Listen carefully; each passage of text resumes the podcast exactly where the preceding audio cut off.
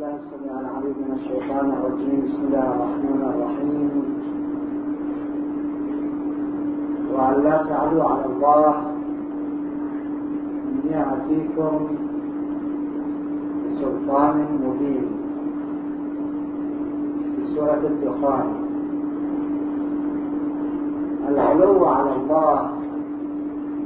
بمعنى التكبر على أحكام الله سبحانه وتعالى. يعني أن الإنسان يسحب أحكام الله تحت إرادته ويقدم شهواته وأهواءه على رضا الله وعلى أحكامه. وأن لا تعلوا على الله إني آتيكم بسلطان مبين يعني حجة واضحة من قبل الله. في موضوع التكبر والتواضع. أي إنسان أراد التقدم في الحياة أول خطوة للتقدم هو التواضع. وأول خطوة للتأخر هو التكبر. التواضع أمام من؟ ولمن؟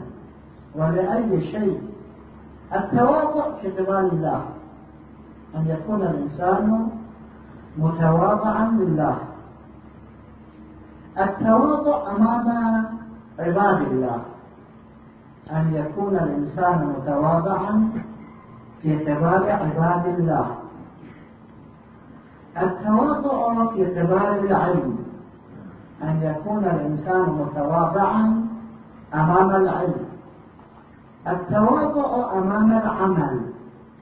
أن يكون الإنسان متواضعا للعمل. هذا الإنسان يتقدم. وكل إنسان تجدونه في التاريخ متقدما هذا الإنسان كان متواضعا. مستحيل أن تجدوا في التاريخ إنسانا متكبرا وتقدم. أبدا. راجعوا التاريخ. المتكبرون كانوا في التاريخ كفرعون وشداد ومعاوية وهارون الرشيد والمأمون وسلطان عبد الحميد ومن أشبه. لكن كلهم تحطموا وحطموا وذكروا لعنة التاريخ فهم تأخروا. بينما المتواضعون دائما يتقدمون. التواضع أمام الله. الأول أمام عباد الله. الثاني أمام العلم الثالث أمام العمل الرابع. التواضع أمام الله. ما أمر به الله الإنسان يطيع. بلا لماذا؟ في القرآن الحكيم الله تعالى يقول لا يسأل عما يفعل. وهم يسألون. الله في كلامه ماكو لماذا لماذا تفهم أكو؟ لماذا اعتراض ماكو لماذا وأنت تعترض ماكو لماذا وأنت تستفهم هذا أكو صحيح استفهام. ولذلك في جملة من الأحاديث اسأل تعلما. ولا تسأل تعنتا تعنتا يعني اعتراض. تفهما يعني استعلام. التواضع أمام الله. بإطاعة كل كلام لله. هذا الشرط الأساس لتقدم الإنسان. لذا تجدون الشرط في الفقهاء الذين هم مراجع التقليد من كان من الفقهاء صائما لنفسه حافظا لدينه مخالفا لهواه مطيعا لأمر مولاه له هذا المنصب. فللعوام أن يقلدوه. إمام الجماعة نفس الشيء إذا أردت أن تكون إمام الجماعة لخمسة لازم تعادل. عادل عن متواضع أمام الله. لا الله الشاهد نفس الشيء. إذا أردت أن تكون شاهدا في قضية ولو خمس دنانير. خمسة دنانير. يجب أن تكون عادلا يعني متواضعا أمام الله. العدالة على التواضع أمام الله. في القاضي نفس الشيء. إذا أردت أن تكون قاضيا فيجب أن تكون متواضعا أمام الله.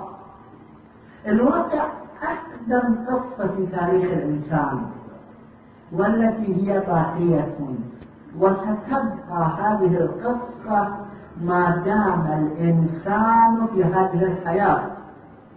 ولا نعلم تلك الحياة الآخرة ما هي كيفيتها ومقوماتها.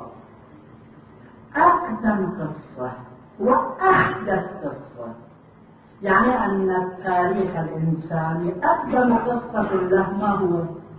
وما هي؟ وأحدث قصة مال اليوم ما هو؟ قصة واحدة. مذكورة في القرآن. قصة آدم وقصة الشيطان. كلاهما عصي الله. آدم عصى الله بالحرص بأكل الشجرة وكان الأكل منهيا لله سبحانه وتعالى. والشيطان عصى الله بالتكبر قال أنا خير. كلاهما عصي الله. لكن الفرق أن آدم تواضع لله وانسحب عن عصيانه آدم تواضع لله. قال آدم وحواء ربنا ظلمنا أنفسنا وإن لم تغفر لنا وترحمنا لنكونن من الخاسرين. يعني تبت من غلطتي. وكما تعلمون أن غلطة آدم ترك أولى فقط. مو أنها معصية كشرب الخمر أو كالكذب أو كالزنا أو كالغيبة والنميمة. عصى الله ثم تاب شنو صار؟ فتلقى آدم من ربه كلمات فتاب عليه. إنه هو التواب الرحيم. تواضع أمام الله عن اشتباهه الله جعله تائبا وغفر له وجعله نبيا مقدسا إلى هذا اليوم وإلى يوم البشر باقون لأنه تواضع لله بينما الشيطان أخطأ وتكبر وبعد ذلك الله ناقشه في تكبره. قال أنا خير منه خلقتني من نار وخلقته من طين كلام باطل فارغ. بقي على تكبره. الله شنو قال له؟ قال تخرج منها مذءوما مذكورا. أنت مذموم وأنت في نفس الوقت مطرود فاخرج منها مذءوما مذكورا. ثم الله سبحانه وتعالى وعده بالنار ووعد أتباعه بالنار. أليست هذه أقدم قصة في تاريخ الإنسان؟ وأليست هذه أحدث قصة في تاريخ الإنسان؟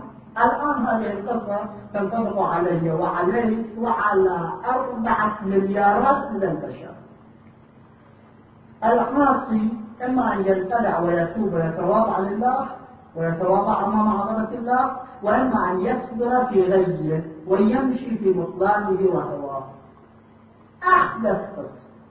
وأقدم قصة وهي قصة واحدة التواضع أمام الله وأن لا تعلوا على الله. ثم الله قوي. والله غير محتاج. تكبرت أمام الله يحمك أمك كما ترك آذان الكبار الكبار. والكبار الكبار أمام الله والذرة الصغيرة أي النملة على حد سواء. ما أدري أيكم قارين عن الكلام في الحقيقة أن الكلام يفتح آفاق ذهن الإنسان تفتحا كبيرا هائلا ويوجب له معرفة الله معرفة كبيرة خصوصا إذا كان الكلام مختلطا بالأدلة العقلية والشرعية الآيات والروايات. في علم الكلام العلماء يقولون إن الله تعالى مساو عنده أن يخلق ألف مليون كون أو أن يخلق نملة صغيرة. مساو عند الله. قدرته على حد سواء. إن الله يعطيك دينار أو مليار من الدنانير. قدرته متساوية. كما أن علمه متساوي الله سبحانه وتعالى يعلم الذرة الصغيرة كما يعلم الكون الكبير لأن هذه من خاصية المجرد لأن المجرد لا قرب له زماني أو مكاني. فإذا لا قرب له تكون نسبته إلى كل شيء على حد سواء علميا هذا ثابت عقليا هذا ثابت كتابيا يعني قرآنيا هذا ثابت أحاديثيا هذا ثابت يعني أن الله إذا كان البشر قوي. هذا قوي في اصطلاحنا سلاح في اصطلاحنا مال في اصطلاحنا كل شيء في اصطلاحنا أمام الله. أقوى الأقوياء. وأضعف الضعفاء بمقدار واحد. إنما أمره إذا أراد شيئا أن يقول له كن. التواضع أمام الله فائدته الرفعة. وأنت ترتفع. وإلا الله سبحانه وتعالى بتكبرك أو بتواضعك. لا يربح ولا يخسر وإنما أنت تواضعت أمام الله أطعت أوامر الله ترتفع. تكبرت أمام الله التكبر أمام الله يعني عصيان الله. عصيان الله هذا نعم أنت تنحط اذكر في الحديث أن لله ملك يأخذ بناصية المتواضعين فيرفعهم. وأكو ملك يأخذ بناصية المتكبرين فيضعهم. هو يرى نفسه رفيعا والناس يرونه صغيرا. هو يرى نفسه متواضعا والناس يرونه مرتفعا. التواضع أمام أحكام الله. هذا غير الشيء الثاني التواضع أمام عباد الله. إنما نحن الطلبة. بحاجة إلى هذا الشيء أكثر من غيرنا. خطيبا طالبا مجتهدا مرجعا مؤلفا إمام جماعة قاضا أي إنسان من نحن التواضع أمام عباد الله هذا للكل لكن لنا نحن أوجب تواضع أمام الناس. الله يرحم مرحوم والدي كان ينقل يقول العقول الخراساني وهذا الرجل الذي كان له منصب كبير في العلم وهذا الرجل إلى اليوم علم في العلم في كل العالم الشيعي. بكفايته الكفاية تدرس في كل الحوزات العلمية الشيعية حتى إذا في أندونيسيا في الحوزة كفاية يدرس الله ما جعله اعتبارا وأنت يرحمه كان ينقل وهو كان رئيسين. رئيس أو رئيس جهتين. رئيس الدنيا ورئيس الدين. والذي كان يقول إن في زمانه كانت النجف الاسلم 13000 طالب علم الدين. وهم حكام في ذلك اليوم. لأن هو في العهد القجرية الحكام في البلاد كانوا رجال الدين. فهو أيضا رئيس دين ورئيس دنيا. وله قوة هائلة ويجب أن تقرأوا أحوال هذا الرجل العظيم صاحب الكفاية. في الحقيقة أحوال هؤلاء العلماء الإنسان إذا قرأها يعترف بضلالته أمامهم وأن أي قول كانوا هؤلاء من الشخصية العلمية أو من الشخصية الدنيوية السياسية والاجتماعية والاقتصادية. هذا الرجل كان ينقل عن والد من كان ينقل أنه مجلسه كان عامرا بأكابر رجال السياسة. وبالمجتهدين الذين هم حكام البلاد. وفي وصفه قال شاعر يطوف حول منبره خمس مئين وكلهم بارع في الفضل مجتهد.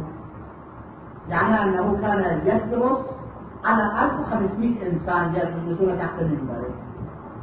و500 منهم مجتهدون وعلماء. يقول أن هذا الرجل وهو شايب كلكم تعلمون أنه كبير السن. إذا كان في مجلسه الغاص بالكبار مو مثل مجلسنا العادي. كان إذا في مجلسه ولو طالب علم صغير يقرأ ألفية ابن مالك. يقول له احتراما لكل قامته ثم يجلس ويتوجه إليه استغفر الله بالخير. أو استغفر الله بالخير. ثم يشرح في كلامه مع السياسيين الحاضرين في مجلسه أو مع الطلبة أو مع المجتهدين أو مع أصحاب الحاجات وهو أول من دك الدكتاتورية في إيران كما تعلمون في قضية مشروطة. وقضية مشروطة أيضا يجب أن تقرأ. التواضع لعباد الله. أنت إذا وردت المجلس أنا ما احترمته. سوف أرد في مجلس أنت لا تحترمني الدنيا دقا هل من الممكن أنك تحترمني وأنا لا أحترمك أو أنك تهينني وأنا أحترمك لا يمكن هذا الشيء التواضع أمام عباد الله. قسم من الناس يفكرون بأنهم مفخر أن الإنسان لا يعتني بإنسان أو يستشكل على إنسان أو ينتقد إنسان أو يضحك على إنسان أو يعلق على إنسان. هذه ليست مفاخر. لو كانت هذه مفاخر كانت شيمة الأنبياء المفخر أن تكون متواضعا حتى أمام أعدائك.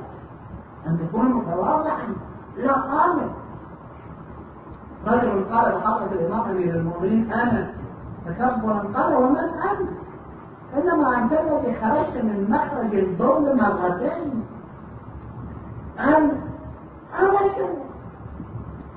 خرج من مخرج البول مرتين مرة من مخرج بول الأب ومرة من مخرج بول الأم الجنين أن تواضع أمام الناس حتى الأعداء شوفوا الرسول له تاريخ طويل عريض لكن يعلم أن هذا التاريخ قرأت على طول الخط إن هذه القصة قرأت على طول الخط في التاريخ الإسلامي ملايين المرات. لما ورد رسول الله مكة شوف التواضع لا إله إلا الله وحده وحده. أنجز وعده مو أنا ونصر عبده. وأعز جنده مو جندي وهزم الأحزاب وحده. حقيقة هذه الكلمة تكثر بالتواضع ثم نكت رسول الله رأسه وخفض رأسه حتى وصلت جبهته إلى قربوس فرسه أو بعيره تواضعا أمام البشر وأمام الله. وخطب ألد أعدائه ماذا تقولون وماذا تظنون. أخ كريم وابن أخ كريم. عن اذهبوا فأنتم الطلقاء لا أقول لكم إلا كما قال يوسف لإخوته لا تثريب عليكم اليوم تواضع. أمام الناس إخوة يوسف وردوا عليه وكان يأكل معه. ذات يوم إخوة يوسف قالوا ليوسف اجعل لنا مكانا آخر نحن نأكل هناك بعد التعارف بينهم لا لا نستحي من هؤلاء الخدم وهؤلاء الوزراء وهؤلاء العبيد. أنه نحمل عصاة بحقك.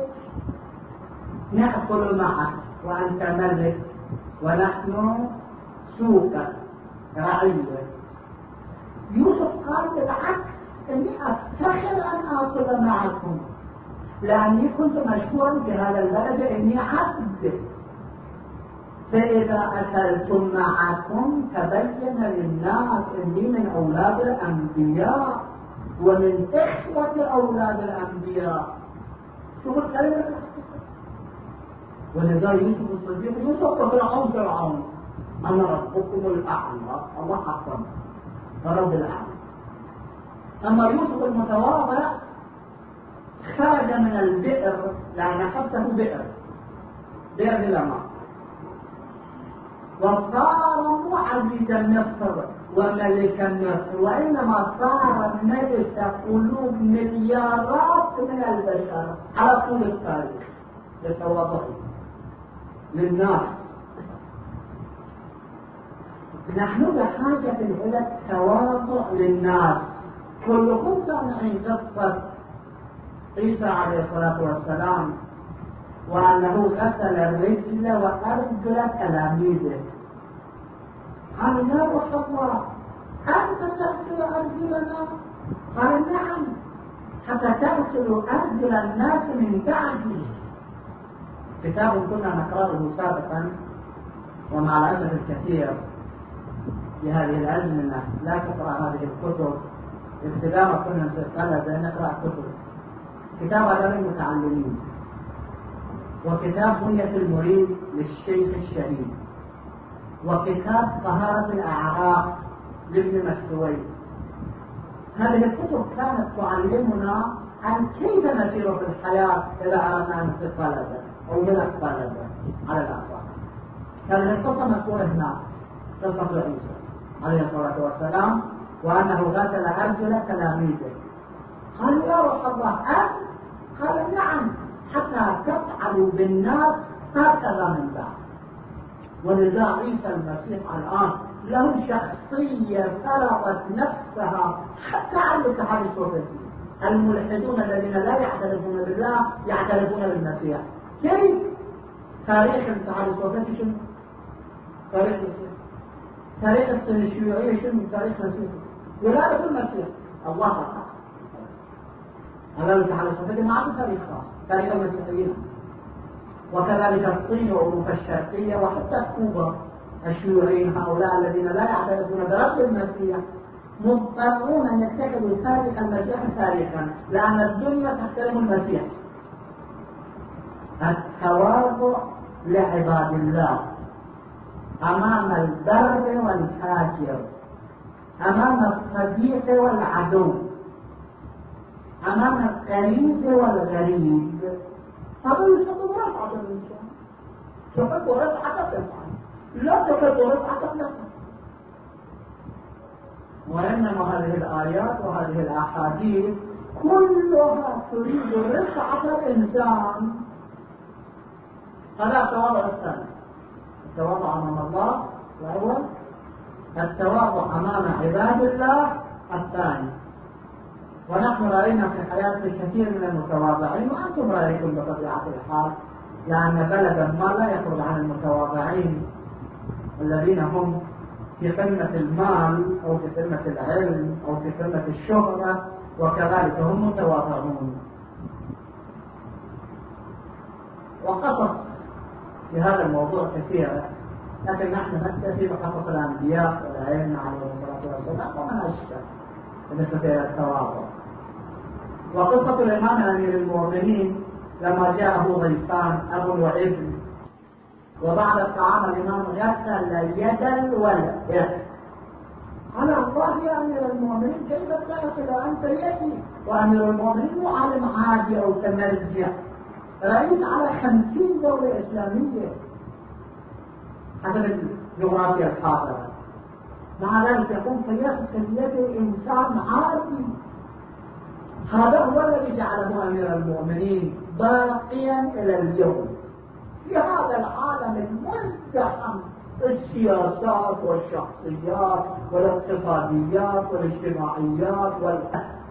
إنما يريد الله أن يذهب عنكم الرجس أهل البيت ويطهركم تطهيرا. هذه الطهارة. هذه هي الطهارة. طهارة شو معنى؟ طهارة الجسد طهارة القلب طهارة الروح؟ طهارة الفكر؟ طهارة المخ؟ طهارة الأخلاق؟ التواضع الثالث أمام العمل. دائما المتواضعون أمام العمل هم المتقدمون. تواضع أمام العمل. المدرسة وسخة أقوم بأكتشف وما يضير من ذلك لاحظوا أي إنسان عامل في العالم وتقدم هو متواضع أمام العمل. التواضع أمام العمل. عمار بن ياسر إلى اليوم مشهور في التاريخ الإسلامي لأنه بنى المسجد مع رسول الله وكان يحمل حجرين حجرين. تواضع أمام العمل. هذا الشيء. الناس لا يقدرون المتكبرين والذين جلس في داره وقال للناس جئني بالشيء الله يرحم السيد محسن الحكيم نقل لها القصة للدار نصف القصة والدي نقلها ونصف القصة السيد محسن الحكيم والدي نقل قال من محمد تقي قائد الثورة المشهور. لأن هو خال والدي. والدي يقول في مرة واحدة ما رأيت أن أمر إنسانا بشيء في عادياته من ما يقول على الحقق ما هو يقول يروح. يشرب ما يجي؟ وهو مرجع أعلى وهو قائد ثورة يروح يقول يشرب ما يرجع أو يقول لإنسان يجيب لي ملابس ما يجيب هو يقول يجيب ملابس. وهو شايف عمره 70 سنة يعني. هذا يستطيع والدنا قال القطعة المحسن الحكيم نقلها الله يرحمه قال أنه في وقت الثورة جاء النبي محمد كفر إلى النجف وهو يثور ضد الإنجليز والإنجليز ذاك اليوم. يقول جاء إلى النجف وذهب إلى مسجد السهل للدعاء بنجاح الثورة.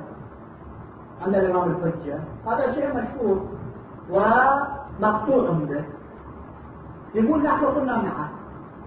وجماعة من زعماء الشيوخ تراث الأوساط وهذول القوة والضباط وأكابر العلماء كانوا معه يقول لهم أنا مثل سهلة صلينا في مقام الإمام الفجر هناك في مقام الإمام الفجر ودعونا الله سبحانه وتعالى. ثم خرجنا من مسجد سهلة وصارت موجب كبير معه من الناس من الزهاد والعباد والعلماء في ذلك اليوم. ومن القوات والضباط والذين يحملون السلاح معهم موجب كبير قائد ثورة يقول خرج الناس السهلة. ومشينا خطوات. قال إلى كم لكن إني نسيت. يعني أنه قال توسط أظن قال توسطنا بين الكوفة والسهلة. التوسط بين الكوفة والسهلة يعني من لنخرج إلى هذا يقول لك مرة شكل محمد؟ كفي يدور في جيوبه الشكل وهو منحني يدور في هذا الجيب هذا الجيب جماعة ركبوا شيخنا هذا شيء. ما قال شيء. كان يدور بعدين رجع إلى مسجد السهل. رجع. يقول رجع رجع. الناس رجعوا شيء. هذا. وصل إلى مقام الإمام المهدي القلمدون يعني المحبر ماله. يسمى قلمدون ذاك الوقت. هذا كان واقع هناك. كان ناسي. كانوا من جيب وقت الصلاة واقع. فالشارع وخلاه بشيء لاحظت القصة الصغيرة وهل قصة كبيرة في مجهول ولا الله تعالى يجعل الواحد قائد ثورة عشرين اعتبارا. ويجعل على اعتبار. في الحديث الله قال لموسى يا موسى إني قلدت خلقي ظهرا لبطن فلم أجد أكثر تواضعا منك ولذا جعلتك كريم. التواضع العمل صدقوا لو أن الطلاب العلوم في الآفاق الشيعية كانوا متواضعين كأن الآن عشرات الألوف من المساجد والمدارس والحسينيات والمكتبات وكل شيء. أي عالم في أي منطقة إذا شمر عن ذراعيه تمكن من بناء مسجد من بناء حسينية من بناء مكتبة. من بناء أي شيء يتمكن. لكن يحتاج التواضع. لأن العالم إذا تقدم الناس خلفه. أما العالم إذا تكبر الناس يتفرقون عنه. لأن الناس لا يعتادون العالم المتكبر يعتادون العالم المتواضع. وكل عالم رأيناه متواضع. هذا لعله يشارك أكثر من 30 مرجع تقريبا. في النجف وفي كربلاء. من زمان ما كنت أبو الحسن أنا رأيته إلى أن خرجنا من كربلاء كنا نرى مراجع في النجف ومراجع في كربلاء كنا نراهم وأحيانا مراجع إيران كانوا يأتون إلى العراق وكنا نراهم كلهم صفتهم التواضع. الصفة الباطنة منهم أنهم متواضعون وتواضع في مأكل في منزل في غرفة في نفسه على متكبر على ما في كلام متواضع مع الصغير مع الكبير مع الكبير متواضع. التواضع أمام العمل. العمل إنما يلتف حول المتواضعين. التواضع أمام الله. التواضع أمام عباد الله. التواضع أمام العمل. التواضع أمام العلم ثم خرجت من البحر غرفة نسبة هذه الغرفة إلى بحر كم؟ أية النسبة بين هذه الغرفة وبين البحر نفس النسبة وأبعد مئة سنة من العلم والعلوم الموجودة في العالم. التواضع أمام العلم. لأحد كبار العلماء من أين وصلت إلى ما وصلت؟ قال أني لم أتكبر أن أتعلم أي شيء. يقولون السلطان الصفوي والشيخ البهاري رئيس وزرائه ذات مرة مر السلطان الصفوي على درويش. ما أدري أيكم شايفين هذا الشيء. كان سبقا في كربلاء يأتون الدراويش ويقفون ويتكلمون وواحد ثاني يجيبهم ويجمعون جماعة حول أنفسهم ثم يأخذون منهم المال عشر فلوس خمسة فلوس أكثر أكثر هذا كان وسيلة الرزق. الدرويش اللي يتكلم كان له نوع من اللباقة والنوع من المعلومات والنوع من المضحكات يقولون السلطان الصفوي إذا تمر مرة في إحدى شوارع إصفهان فرأى الناس واقفين يتفرجون على هذا الدرويش المتكلم. ولمح أن الشيخ البهائي وضع عباءته على رأسه وهو واقف يتفرج. هو طريق الملك منا. الشيخ البهائي واقف الشيخ اللي ظهره إلى الملك. يعني ما يشوف وجهه وإنما عرفه كأنه من خلفه. لكن الملك الصفوي شك فالتار من ذاك الجانب رأى الشيخ البهائي واقف ووضع رأسه على رأسه حتى لا يعرف يتفرج على الدرويش تعجب. الشيخ البهائي المعروف بالعلم والعمل والزهد. الشيخ صاحب كرامات في التاريخ الإسلامي غدا في الليل عصرا لما اجتمع الوزير بالملك والوزراء بالملك اجتمعوا.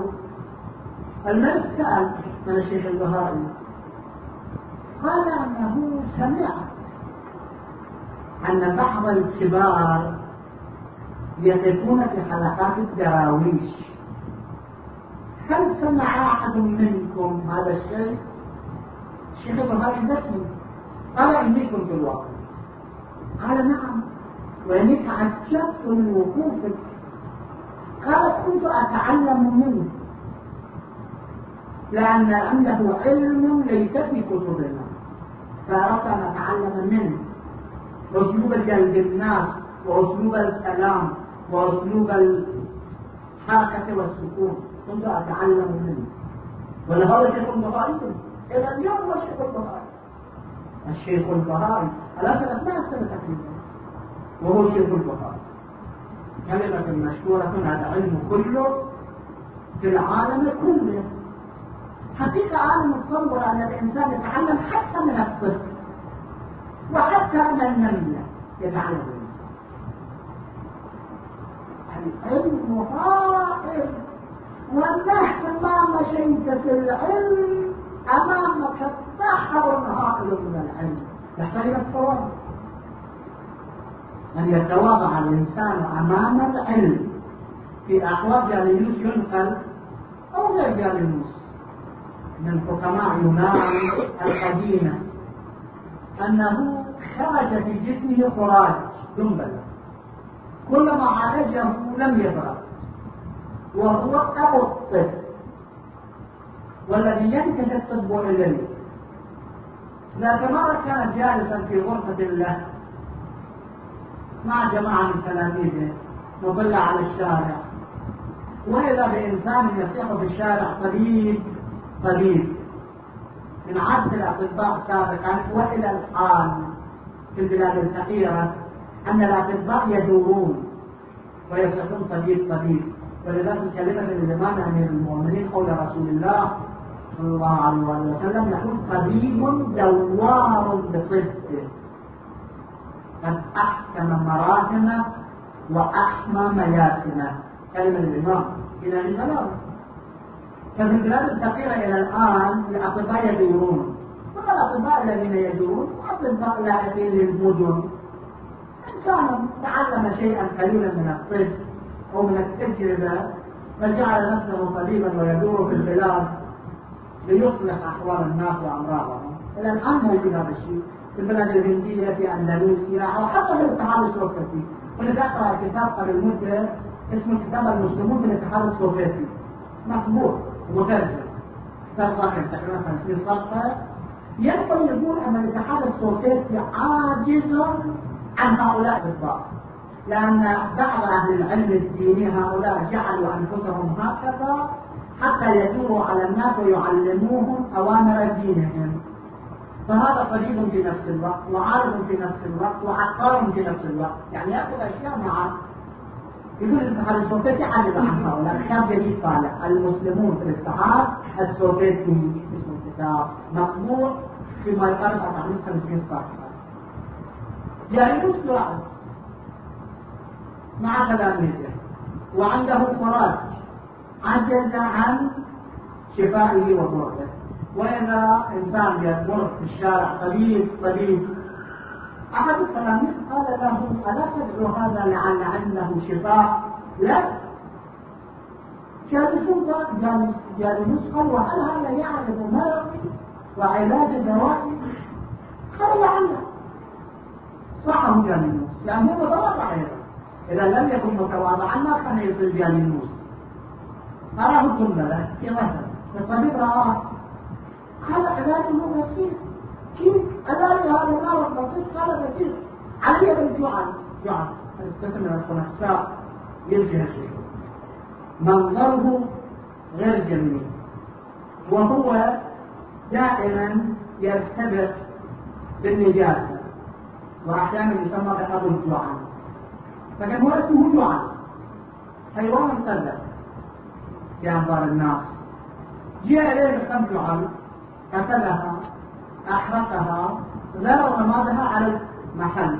على المحل المتخيل والمؤلم والذي لا يدع. يعلمون ينام الليل. بمجرد أن ذكر الدواء سكن الألم عشي مرض لعله أسبوع ولعله شهر. يسكن في لحظة أعطاه جانب الشيخ ثم قال لتلاميذه قال إني كنت في نفسي أعترض على خلق الجعل شنو فائدة هذا الحيوان؟ لأني ما وجدت أي فائدة لهذا الحيوان عرفت فائدة السمع وفائدة الطير وفائدة الآوى وفائدة الأسد كان كل هذه أنشطة طبية في حياة الحيوان الجميل كتاب جميل جدا يذكر لكل حيوان خواص طبية. ولكن كنت معترضا في نفسي عن فائدة هذا الحيوان وأنه خلق بلا فائدة.